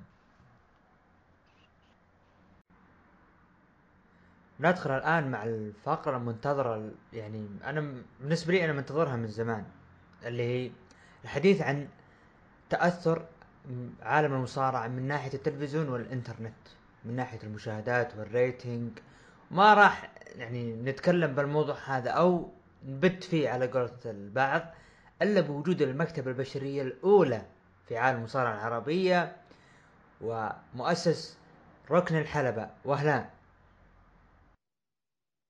مساء الخير عبد الرحمن. ومساء الخير عبد الرحمن. ومساء الخير عبد الرحمن. بودكاست الرحمين في حلقة جديدة متجددة من بودكاست ركن الحلبة الذي أشرف في التواجد فيه للحديث عن هذا الموضوع. الخفيف الجميل الرائع. وعوف لا يتعصب لرأيه. يعطينا مجال يعني نتفق أو نختلف لكن يعطينا مجال نبدي بآرائنا. ومعانا حبيبنا وزميلنا في النقاش أبو عوف. يا هلا والله بالباريستا عبد الرحمن. حياك الله وحيا الضيف المميز دائما وابدا. وهلان حياك الله. وأبد خذوا راحتكم في المواضيع. إن شاء الله تكون نقاش جميل لطيف خفيف. دامك موجود. كل شيء بيكون تمام إن شاء الله. إن شاء الله. بس لا تعاند يا أبو عوف أعط مجال للآراء الأخرى. لا لا لا لا. عادي ريلاكس. أنا أعطي المجال. مو أدخل في النص كني عموما خلينا خلينا ندخل. خلينا ندخل بالنقاش المهم. يعني مشكلة النصراوية تطاقون بيناتهم فريقهم يلعب. عموما أبو نواف خلينا نبدأ بالبداية. يعني والله أنا أحب الأهلي وأحب جمهوره. لا تخلينا نتكلم ونفتح ملفات. خلينا في موضوعنا يا عبد الرحمن. أوكي. بس إحنا إحنا لازم نرقمكم عشان نعرف أي عبد الرحمنات طيب أبو نواف ترى خلينا game أجل. خل آه... خلينا نبدأ بالبداية أبو نواف. آه... خلينا نقول ممكن هي بداية الانطلاقة لشيء اسمه كم مشاهدات rating اللي هو من فترة خم... 2000 1995 إلى 2000 كيف كانت تلك الفترة أبو نواف من ناحية المشاهدات وكذلك ال rating؟ وشوف يا عبد الرحمن المفروض المفروض حنا آه نقوم بالتفرقة بين منصات المشاهدة وأساليبها اللي كانت موجودة في السنوات الماضية بمعنى لما نتكلم حنا عن التلفزيون أو الأقمار الاصطناعية الأقمار الفضائية في التسعينات كانت موجهة داخل الولايات المتحدة الأمريكية ف نسبة المشاهدة هناك تخص نسبة المشاهدة داخل الولايات المتحدة الأمريكية وما زالت كذلك. الجمهور اللي في خارج الولايات المتحدة ما كان يتابعها عن طريق التلفزيون الأمريكي كان يتابعها عن طريق أشرطة الفيديو. كان في مقياس آخر أنه كم شريط فيديو بعته طبعا الأشرطة الرسمية وغير الرسمية. هذه النقطة يجب أن تكون واضحة. يعني إحنا كنا نشوف العروض يعني البث المتأخر اللي يباع على التلفزيونات الحكومية. طبعا يكون متأخر ما هو بنفس لايف يعني. وأيضا اشرطه الفيديو؟ وكانت اشرطه الفيديو هي الأسرع. انتشار وهي الأحدث. يعني ذيك العرض بعدها يمكن ما كمل شهر. لكن كان وقتها بالذات مع نهاية التسعينات كانت عروض المصارعة تحتل الرقم واحد في شبكات التلفزيون. رقم واحد. مو تنافس تفوقت على المسلسلات. كان في شيء يسمونه سهرة تلفزيونية يعني فيلم قصير تلفزيوني ليس سينمائي. فتفوقت عروض المصارعة في نهاية التسعينات وبداية الألفية. تفوقت تفوق. يعني وصاروا المصارعين لأول مرة ينافسون نجوم التلفزيون. الوضع اختلف مع وجود الإنترنت يا عبد الرحمن. الوضع تماما اختلف. نحن نجيها الآن إحنا خلينا نركز على المحور الأول. صحيح. التلفزيون كان النسبة عالية فيه لأنه لا يوجد منصة تشاهد فيها تشوف إلا التلفزيون. في الشيء الثاني اللي هو أشرطة الفيديو. لذلك كانت نسبة المشاهدة عالية جدا لأنه لا توجد منصة مشاهدة إلا التلفزيون. هذا السبب أنه كان وقتها عدد المشاهدين ملايين. بعض الفقرات يعني تصقع يعني أرقام خرافية. لكن في العصر اللي إحنا فيه أو خلال آخر 15 20 سنة تعددت منصات المشاهدة. هنا خف عبر التلفزيون لأنك أنت عندك بديل للمشاهدة. في بديل الان تشاهد فيه. هذا جعل إنه مو كل الناس يتابعون التلفزيون. لأنه خلاص أنا عندي عندي حاجة عن طريق المنصات البديلة. لكن في التسعينات السبب في وجود هذه النسبة عالية من المشاهدة ولا يوجد منصة مشاهدة سوى التلفزيون مع أشرطة الفيديو. طيب أبو نواف سؤال هل كان ال rating بهذيك الفترة كان موجود في اهتمام خصوصا مع حرب ليلة الاثنين؟ أكيد في اهتمام. أكيد أكيد أكيد. كانت الحرب قائمة اسمها حرب ليلة الاثنين بناء على كم أنا جبت عرض. كم جبت rating بالفقرات نفسها كل ربع ساعة كم rating يعني كم ما نسبة المشاهدة في هذه الربع ساعة؟ صحيح يعني هل كان الاهتمام بال rating أم المشاهدة؟ أنت علشان يكون عندك rating لازم يكون عندك مشاهدة لازم يكون عندك منتج يجذب المشاهد. كان أكيد الاهتمام اني كيف أجي أسوي حاجة تخلي المشاهد يقعد عندي ما يقلب القناة يروح ال Nitro لذلك يعني كما تعرفون يعني سوى حركته.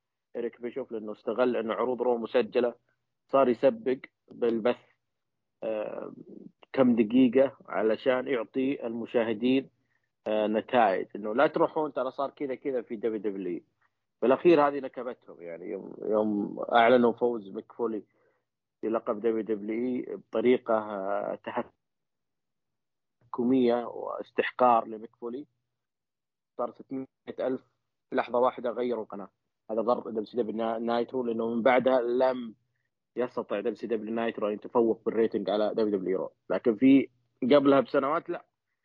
كانت خطة اريك بيشوف ناجحة يعني. أنا ليه أتابع؟ تقول لي شخصية كرتونية هناك فازت على مدري مين أو إنه صار كذا. ما راح أهتم. راح أهتم على المحتوى الجديد المختلف الواقعي اللي أنا أشوفه في دبليو سي دبليو نايترو كان فعلا الاهتمام بتقديم محتوى يجذب المشاهد. آه طيب. أبو نواف خلينا نقول ما بعد حرب ليلة الاثنين نقول من الألفية حتى 2010 إيش التغير بالنسبة للمشاهدات؟ وهل كانت النهاية شاشة التلفاز والانطلاقة عبر روابط الإنترنت بالمشاهدات المباشرة؟ خلينا نقول يعني عن طريق المواقع.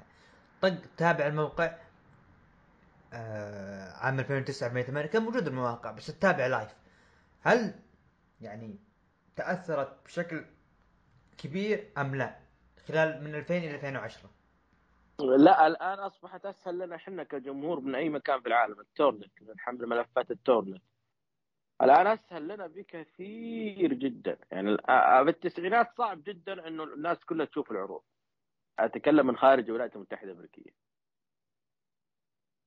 ما تقدر تشوف كل العروض. ما راح تشوف إلا فقط عروض مثلا دبليو دبليو دبليو سي دبليو دبليو دبليو بشكل عام. لكن مع وجود الإنترنت بداية الألفية أصبحنا نستطيع مو بس نشوف دبليو دبليو دبليو سي دبليو نشوف عروض ثانية. بس WCW انتهت في آه، ربيع 2001 لكن بعدها قدرنا نشوف عروض ثانية مو بس عروض نشوف عروض ROH عروض ال TNA يعني أنا مثلا أنا على الصعيد الشخصي. أنا عرفت عن قناة Star World فبحثت عن ستينج وش صار على ستينج وين راح ستينج فعرفت إنه راح لحاجة اسمها TNA وإن ال TNA هذه تبث عن طريق Star World في شبكة الأوائل. الناس كلها راحت تبي قنوات رياضية في شبكة الأوائل وأنا أشغلتهم إلا تركبوا لي Star World أبي الباقة اللي فيها القناة هذه. ما ما فيها شيء حتى الأفلام فيها قديمة قلت اتبدل ركبها لي. فكانت يعني صار في الآن مجال الآن. الفضائية والشبكات صار في قنوات أخرى تجيب عروض live شبكة الأوائل تحديدا ال ART اشترت حقوق ال WWE في الشرق الأوسط وشمال أفريقيا. صرنا نشوف العروض. الآن اختلف الوضع. مو زي أول تجيك مسجله روابط نحمل بعض الأحيان نحمل يوم حتى نشوف العرض كامل. ينزلون الأخوة أيام منتديات ستار تايمز منتديات كورة. تقعد تحمل يعني لازم النت عندك قوي. تعرف ذيك الفترة النت ما كان قوي آه على فكرة منتديات كورة يا أبو نواف ترى كنت أنا من المعجبين الصامتين لك. أكمل. ما شاء الله. هذه معلومة توك تقولها لي يعني. آه المهم فكان الروابط كانت تشوف كل شيء خارج عالم WWE هذه هذا هذا يعتبر شيء جديد علينا إنك تشوف عروض غير اللي كنا نتابعها. كان بداية ROH العروض الإنديزية كانوا يرفعونها لنا اتحادات بعضها موجود بعضها اختفى ما طول. آه، أيضا عروض ال New Japan Pro Wrestling All Japan Pro Wrestling NOAH اللي هو ان أو اي اتش من الاتحادات اليابانية اللي كان له واقع قوي جدا تكلم عن 2003 2004 2005 2006 بتلك الفترة كان غطى على New Japan Pro كنا نشوف عروض بتحميل ملفات torrent بعدها جت منصات المشاهدة. يعني بعدها جت منصات المشاهدة. طبعا ظل التلفزيون له وقعة. خلاص تشترك مثلا بشبكة الأوائل ART مثلا. في ال Showtime قبل ما تصير OSN لما اندمجت مع Orbit تشوف العروض تشوف العروض ال pay-per-view كنا ندفعها اللي هو دفع مقابل المشاهدة. كنا ندفع تدفع كم كذا دولار وتشوف العرض live تقعد تشوفه طول اليوم معك فترة معينة تشوف فيها العرض العروض الشهرية. كانت قبل ما تتحول إلى Show Sports اللي هو Showtime Sports ما اخذت حقوق الدوري الإنجليزي كانت اسمها TV Land تبث عرض SmackDown عرض رو يبث عن طريق ال ART شوفها في آه، بداية الالفيه إلى 2010 كذا كان كذا. نتابع SmackDown على ال Showtime على العروض الشهرية. تابع Raw على شبكة الوايل وال TNA في قناة Star World آه، بقية العروض كنا نتابعها بتحميل ال torrent. الآن الوضع اختلف يختلف. الآن لا. كثير. راح نجي راح نجيها الفترة الحالية. إذا إذا اختصار اختصار إنه أصبح الآن من صالح المشاهد من خارج الولايات المتحدة الأمريكية. الإنترنت سهل آه، طرق وأساليب المشاهدة. المشاهد اللي من خارج الولايات المتحدة الأمريكية في أي مكان في العالم هو قدمنا. قبل لا.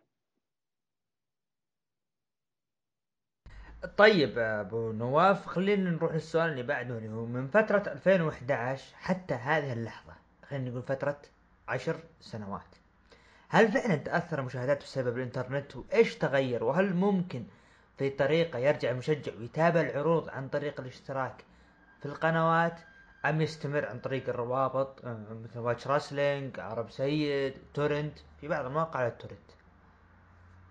والله شوف هو تكلم عن حقوق البث حقوق الملكية وهذا موضوع الآن وصل عندنا في السعودية وصار في له جهة رسمية مخولة في هذه الأمور. خلاص؟ أصبحت القرصنه ممنوعه آه، اللي أنا يعني أرى في بالي الآن إنه إذا كانت المنصة الرسمية متاحة بشكل يسير وسهل وبسعر معقول لما لا تشترك بطريقه رسمية نظامية؟ إذا كانت متاحة وأفضل يتيح لك امور آه، خدمات خلينا نقول مقابل الاشتراك. ويكون الاشتراك مبلغ معقول. ليش ما تشترك؟ يعني مثلا WWE Network لما تشترك فيها متاح لك المكتبة. تعرف إيش معنى المكتبة يا عبد الرحمن؟ مكتبة هذا كنز. تشوف العروض القديمة كاملة. يعني لو تقعد سنوات تتابع ما راح ينتهي. فأنت راح تستفيد. غير إنه شبكة دب دبلي على هذه أذكر أنا إنه تعطيك برامج تسوي برامج تقدمها في منصتها غير العروض الخاصة في منصتها. هذا أرى إنه شيء إيجابي. أنا المبلغ اللي أنت دفعته فيه مقابل مقابل يستاهل عليه هذا المبلغ. سابقا ما كان عندنا شيء يعني كان أول شيء قبل WWE Network كان 24 at 7 ما كان متاح عندنا. كان يبث برامجه عن طريق آه، ممتلكة الحقوق ART ويا ليت ممتلكة الحقوق. يعني تخيل في بعض البرامج كانت تبث ثنتين بالليل ثلاث بالليل 10 الصبح. ما تدري متى تبث يعني. تقعد أنت وحظك متى تبث. ولا في مجال إنك أنت تشترك فيها بشكل مباشر. لأن لم تتاح عندنا كانت في المنطقة. وكانت الخدمات الإنترنت ما ما ما هي زي الآن. فأنت مضطر هنا للقرصنة للأسف الشديد أنت مضطر للقرصنة. إنه كيف تأخذ الخدمة دي؟ ما هي موجودة ما هي متوفرة. طب أنا أبغى أشوف كيف اشتغلت هنا بدأت الملفات ال torrent وبدأت وهذا مو بس بال pro wrestling يا عبد الرحمن حتى في المسلسلات. إنه في فترة الألفية أيضا انتعشت مسلسلات وصار صارت تغطي على أفلام. الناس الآن بدأت إنها تركز إنها تتابع فيلم أكثر تتابع حلقات ومواسم المتتالية أكثر ما تروح ل يعني تشوف لها فيلم يعني قليل جدا يعني كان الاهتمام زاد أو عاد بعد فتور التسعينات عاد مرة أخرى على المسلسلات. الشاهد إنه كان الم...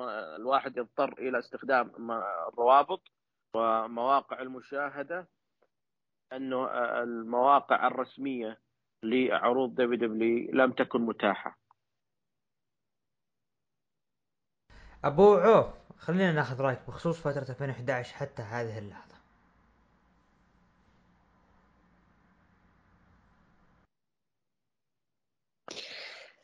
طيب بخصوص فترة 2011 يعني خلينا نتكلم أنا يعني كتلفزيون كتتابع.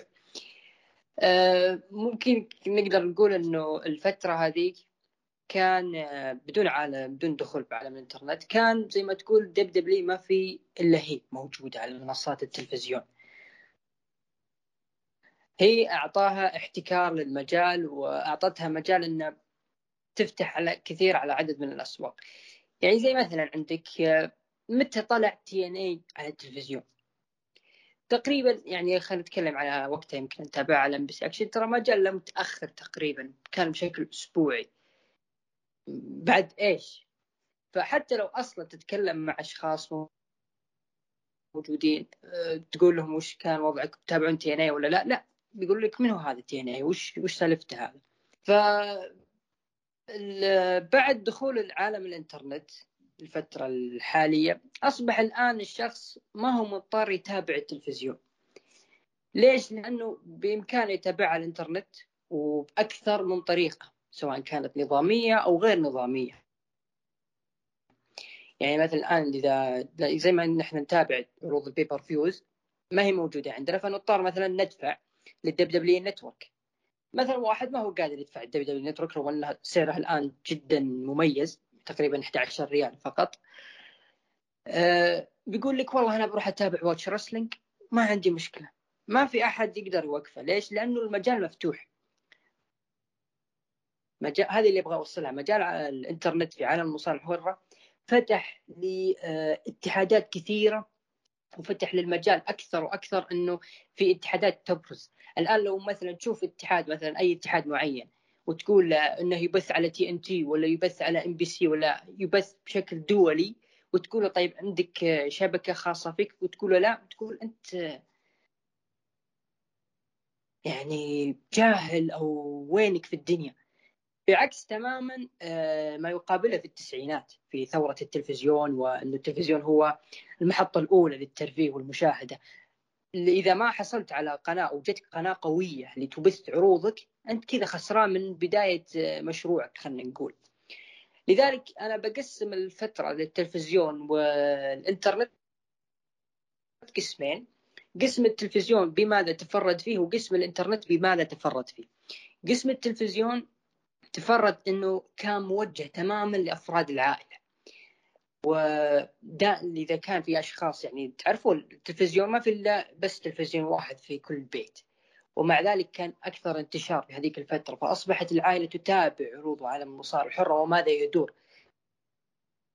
بغض النظر هل هي آه، مهتمة للمجال ولا لا. مع مرور الوقت راح تهتم. وهذا إحنا الآن يعني صغار والآن إخواننا الصغار وأبنائنا ليش يتابعون عالم المصارعه الحرة من التلفزيون ومن ابائنا والعائلة اللي كانت تتابع في هذاك الوقت.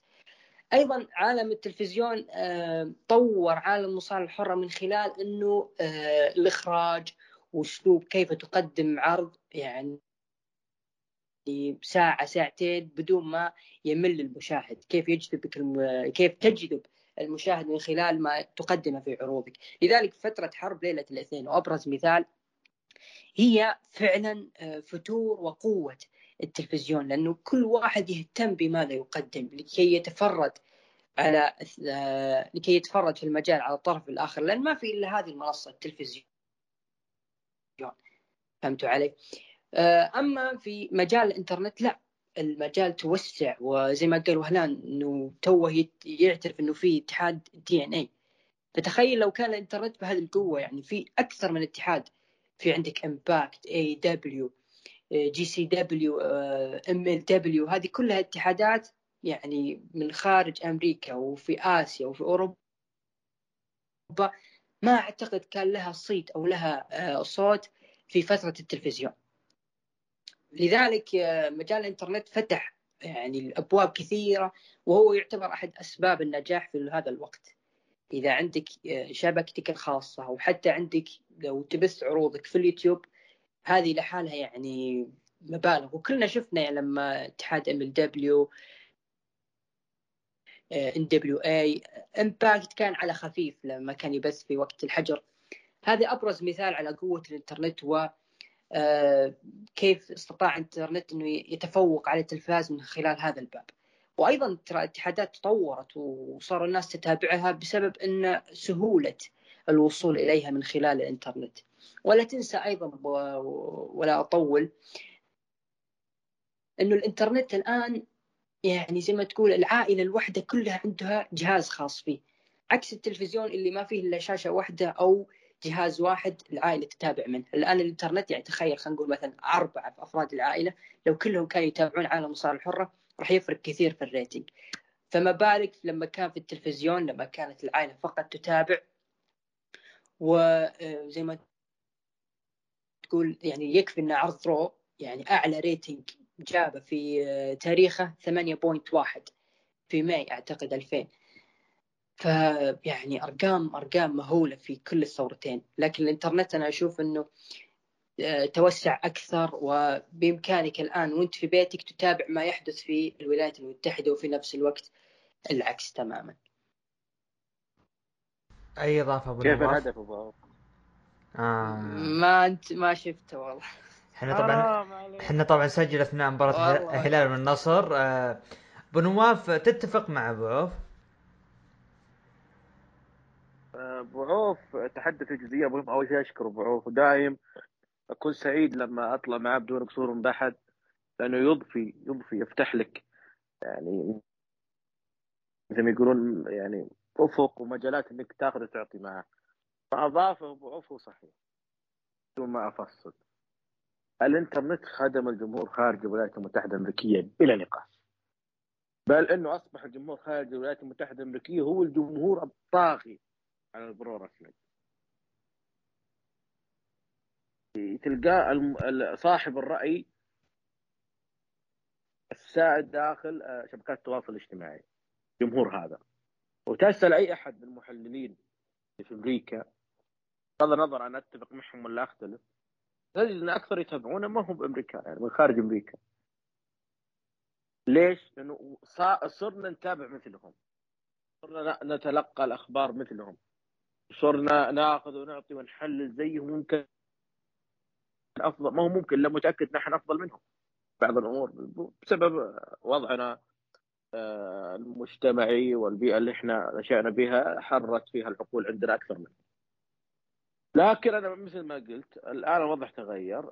جت عندنا الان في السعودية نظام الملكية اختلف الآن. الواحد ما ودك إنه يستمر. أتكلم عن دبليو دبليو طبعا.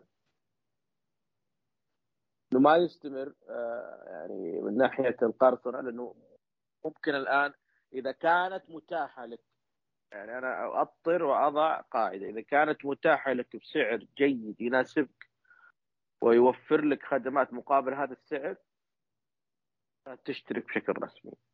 أنا تركت ال business تركت ال WWE وابتعدت تماما يعني ما ما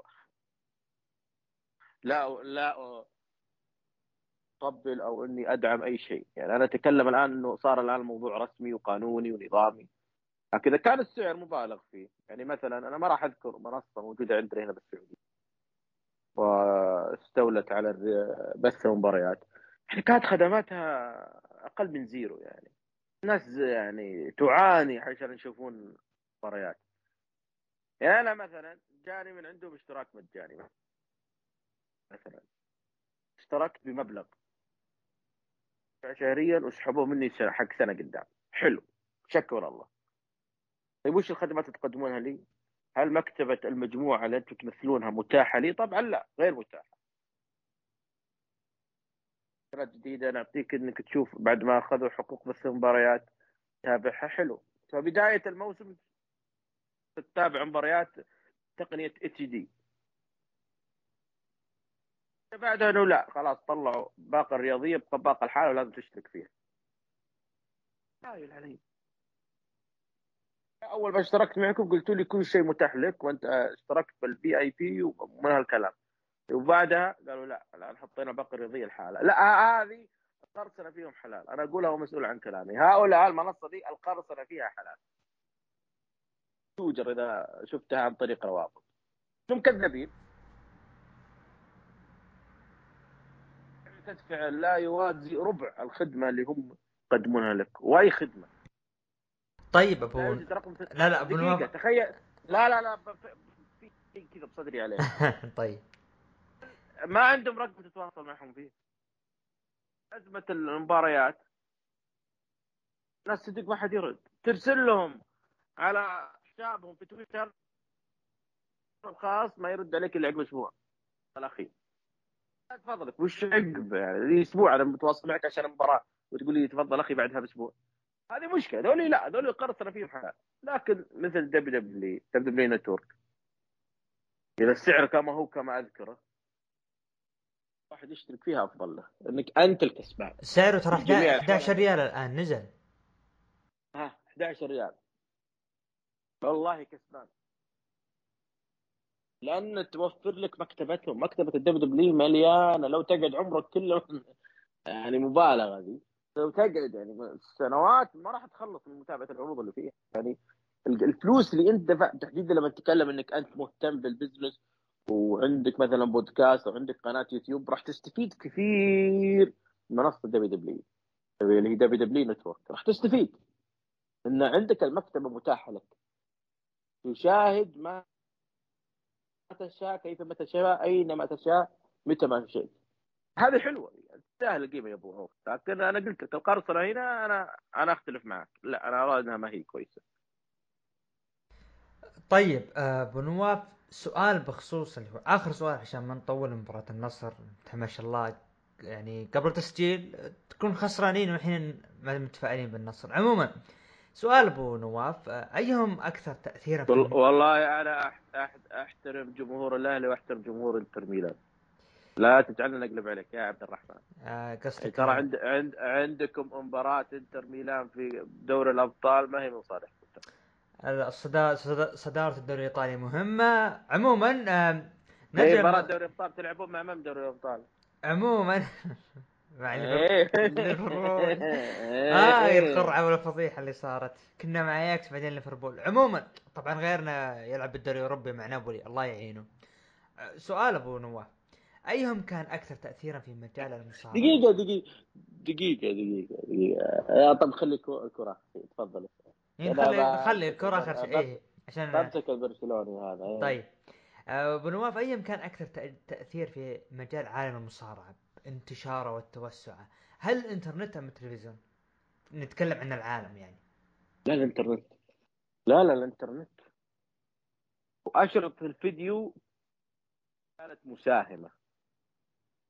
نتكلم عن الثمانينات التسعينات. لكن الانترنت لا غير المعادلة تماما. خلاها الآن أي أحد من أي مكان يستطيع باسعار رمزية خلينا نقول. لا بالعكس الانترنت خلانا نشوف عروض لا يمكن نشوفها الاتحادات الثانية. تمام. طيب أبو عوف إنترنت أم التلفزيون الاكثر تاثيرا في مجال عالم المصارعه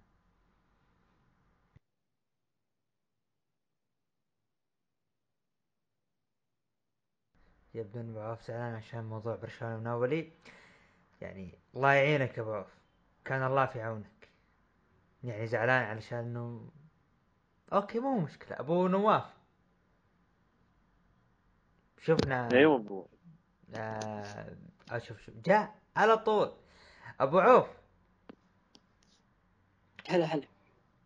لهالدرجة ذكر برشلونة سبب لك ضيقة. عموما أيام كان أكثر تأثير في المجال لا لا لا. بس جبار الإنتر انفصلت التوصيلة عندي. آه.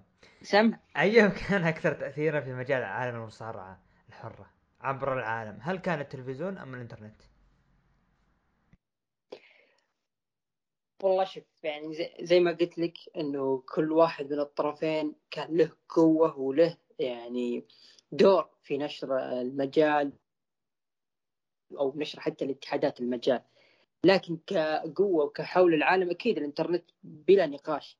يعني حتى يعني خلينا نقول مثلا عندنا في السعودية وخلينا نقول الدب دبليو قبل يعني ما كانت دب دبليو نتورك متاحة وكان بس يعني ناقل حصري موجود آه، مو كل يقدر يعني يشترك في هذاك الناقل الحصري. فاضطرت الناس إنها يعني تروح للمواقع. حتى ما كانت ال WWE تفكر إنها تدخل السوق السعودي أو حتى السوق الشرق الأوسط بسبب إنهم ما عندها ناس أو ما عندها معرفة تامة إنه هل هذوليك يتابعوننا ولا لا يتابعون بشغف ولا لا. الآن لما فتحت ال WWE Network عندنا في السعودية وصارت الناس تشترك صار في عروض في السعودية وفي الأخير Crown Jewel. يعني أنا وأنت كنا حاضرين العرض وشفنا التفاعل وشفنا يعني آه، أيضا ردود فعل المصارعين. فما بالك وأيضا ردود فعل المشجعين الأمريكان لما يعني حبوا عروضنا وزي ما تقول مدحوا كثير الجمهور السعودي وصارت الناس يعني تفضله من جماهير شيكاغو. هذه يعني خلينا نقول بكل صراحة هذا الجمهور الأمريكي. فهذا أكيد إنه الإنترنت ساعد إن الدبليو بي تكون لها وعي وتكون لها تخطيط إنه عروض السعودية هذه عروض ما هي سهلة. لازم يكون لها تخطيط ولازم يكون لها يعني نختار الوقت المناسب اللي نسوي فيه عروض. ليش؟ لأنه هناك ناس مجانين. وأبرز واحد وهلان ما شاء الله يعني مكتبة. فتخيل لو في أكثر من نسخة من وهلان يعني يتابعون الدبليو دبليو إي بنتورك بشكل مستمر. فالدبليو راح تعطي يعني أكثر قيمة لهذول الجماهير. في نفس الوقت آه، أي سوق ثاني بإمكان ال WWE تفتح فيه تفتح لهم ال Network يشوفون هل في مشجعين ولا لا. ثم يعني تدخل هذا السوق بكل بساطة. يعني زي مثلا السوق الهندي. ال WWE فتحت السوق الهندي. يعني ما كان فيه ناس يعني زي ما تقول مشتركين باستمرار. كانوا بس شافوا العرض شافوا جندر محل وخلصنا لما سووا أعتقد ما أدري هل هم سووا عروض هناك ولا لا فشل جندر محل كفتره في الدب دبليو كلنا شايفينها. صحيح سواها أيضا فشلت سواها إن... فتره وشارك فيها تريبل جندر محل إي بس أوكي. كانت كانت المفترض إنها يومين فانصدمت الدب دبليو بضعف الإقبال وخلوها يوم. وسبقوا يوم في أبو ظبي. هذه هذه انه فعلا فشل يعني يعني شوف ما اللي قال كلام عبد الرحمن الجميل. دب دبلي ترى إنه الهند أنت الأجمل والله. العدد الملياري هذا من السكان الهند والهند. صدمت إنه القيمة التسويقية لديهم ضعيفة يعني ما تستفيد منهم كتسويق كفلوس. عكس السعودية. عكس تماما السعودية. طبعا السبب اللي جعل WWE تجي يعني خلاص يعني ما بقى الا تنقل مقرها إلى السعودية. آه، إنه آه، آه، العقد اللي تم مع وزارة الرياضة بعدين الآن أصبح تبع وزارة الترفيه. العقد العشر سنوات. من 2018 ل 2028 هذا هو اللي خلى WWE إنها تركز. وبعدها وجدت إنه لا فعلا انه في الوضع هنا في السعودية كقيمة تسويقيه أفضل بكثير من كانت إنها ناوي تستثمر في الهند. هذا الحقيقة اللي حصلت. مواسم في السعودية منها موسم الرياض. بلا نقاش. ال WWE بيستانس لكن أنا ما أدري عن الإقبال الجماهيري عن عروض WWE ناحية الحضور. هذه لا أعلم عنها. لا لكن هذه يعني عشان في الصورة ولا نظلم حتى في الكورة اللي هي الكورة مثلا الآن مباراة نصر والهلال هو هو الحضور مش الرياض عندهم مشكلة في الحضور. اليوم عرفناهم عندهم إشكالية في الحضور دائما ابدا. والخميس وقت غير مناسب إنك تضع فيه مباراة. فما بالك بعرض زي كذا؟ يعني كان يكون جمعة أفضل بكثير من الخميس. جمعة سبت لأنه تعرف الواحد يخلص دوامه يحجز من بدري طيارة إذا من برا بعيد أو سيارة أو شباب يجون جميع يحضرون يخلصون من العرض. بعدين بعد العرض يصحون معهم وقت إنهم يرجعون دواماتهم التوقيت له دور. الشاهد إنه خطة ال WWE كانت موجهة في آسيا للهند. فشلت فشل ذريع لأنه لا يوجد قيمة تسويقية عكس لما جو للسعودية. آسف على مقاطعتك أبو لا أبد بس أنا قصدي إنه هذا أيضا يعني من دور ال WWE Network وبثها سواء كان في السعودية أو حتى في الهند. الآن ال WWE لو تبغى تفتح سوق جديد لها لابد إنها تبث ال WWE Network عندهم وتشوف هل في إقبال آه للشبكة ولا لا. حتى قبل ما تسوي عرض هناك. يعني تخيل معي لو كان هذا زي ما نقول الشغل هذا كان موجود في التلفزيون.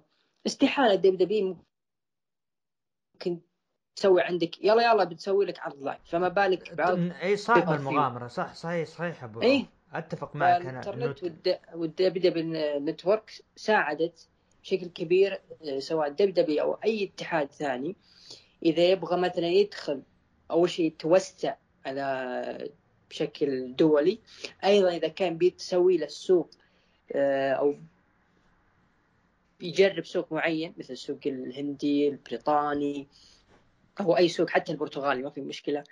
إنه أول شيء يفتح لهم الشبكة عندهم يشوفون الوضع وهم يسوون لهم عرض هناك على قدهم. إذا شافوا في إقبال أكيد راح يسوون فيهم عروض راح يقدمون اتفاقيات. لكن لو كان بس على التلفزيون هل ممكن يروحون لهذه الأسواق خلينا نقول الناشئة؟ مستحيل. حدها يا كندا مكسيك بريطانيا. غيره حتى اليابان.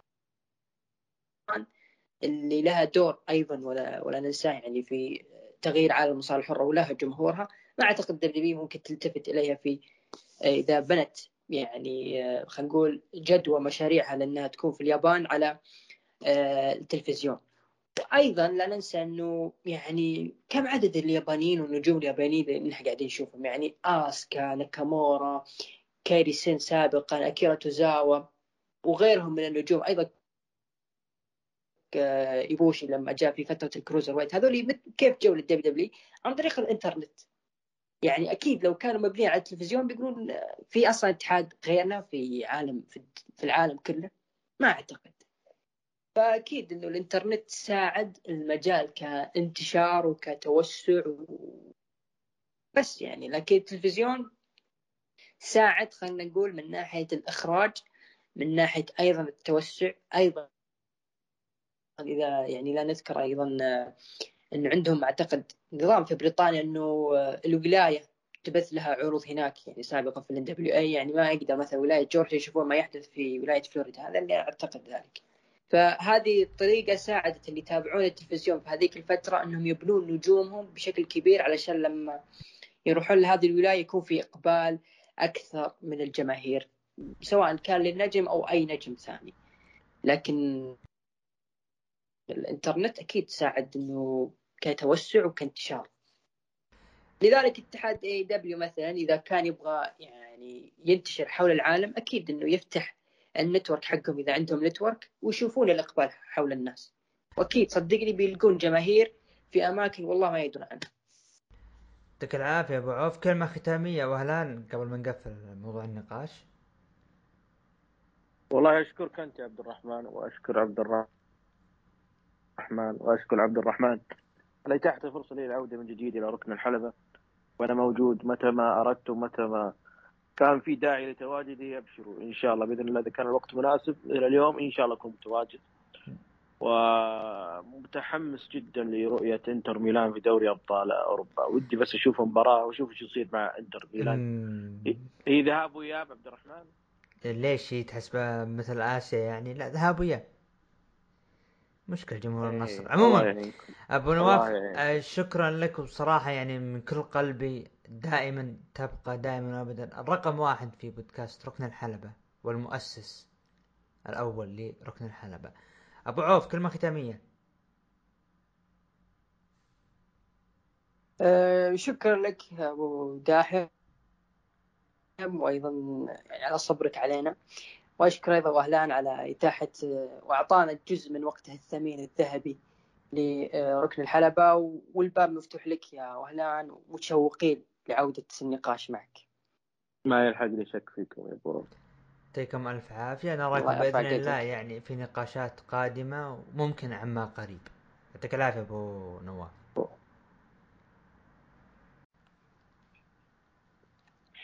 كان نقاش جدا جميل يعطيك العافية.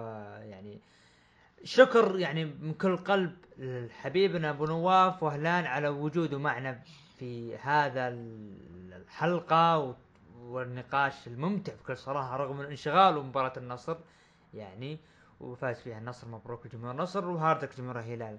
أبو عوف قبل الله يبارك قبل ما خلينا نروح الآن لعرض افضل عرض اسبوعي وش أفضل عرض أسبوعي شفته؟ أنا أرى سماك داون اللي صار مع سامي زين وبروك ليزنر. أتفق معك أنا أشوف عرض SmackDown. SmackDown حصل على 45% يليها ال Raw ب 25% ويليها AEW ب 20% وأخيرا NXT ب 10% طبعا نصل الان إلى الختام. كلمة ختامية أبو عوف؟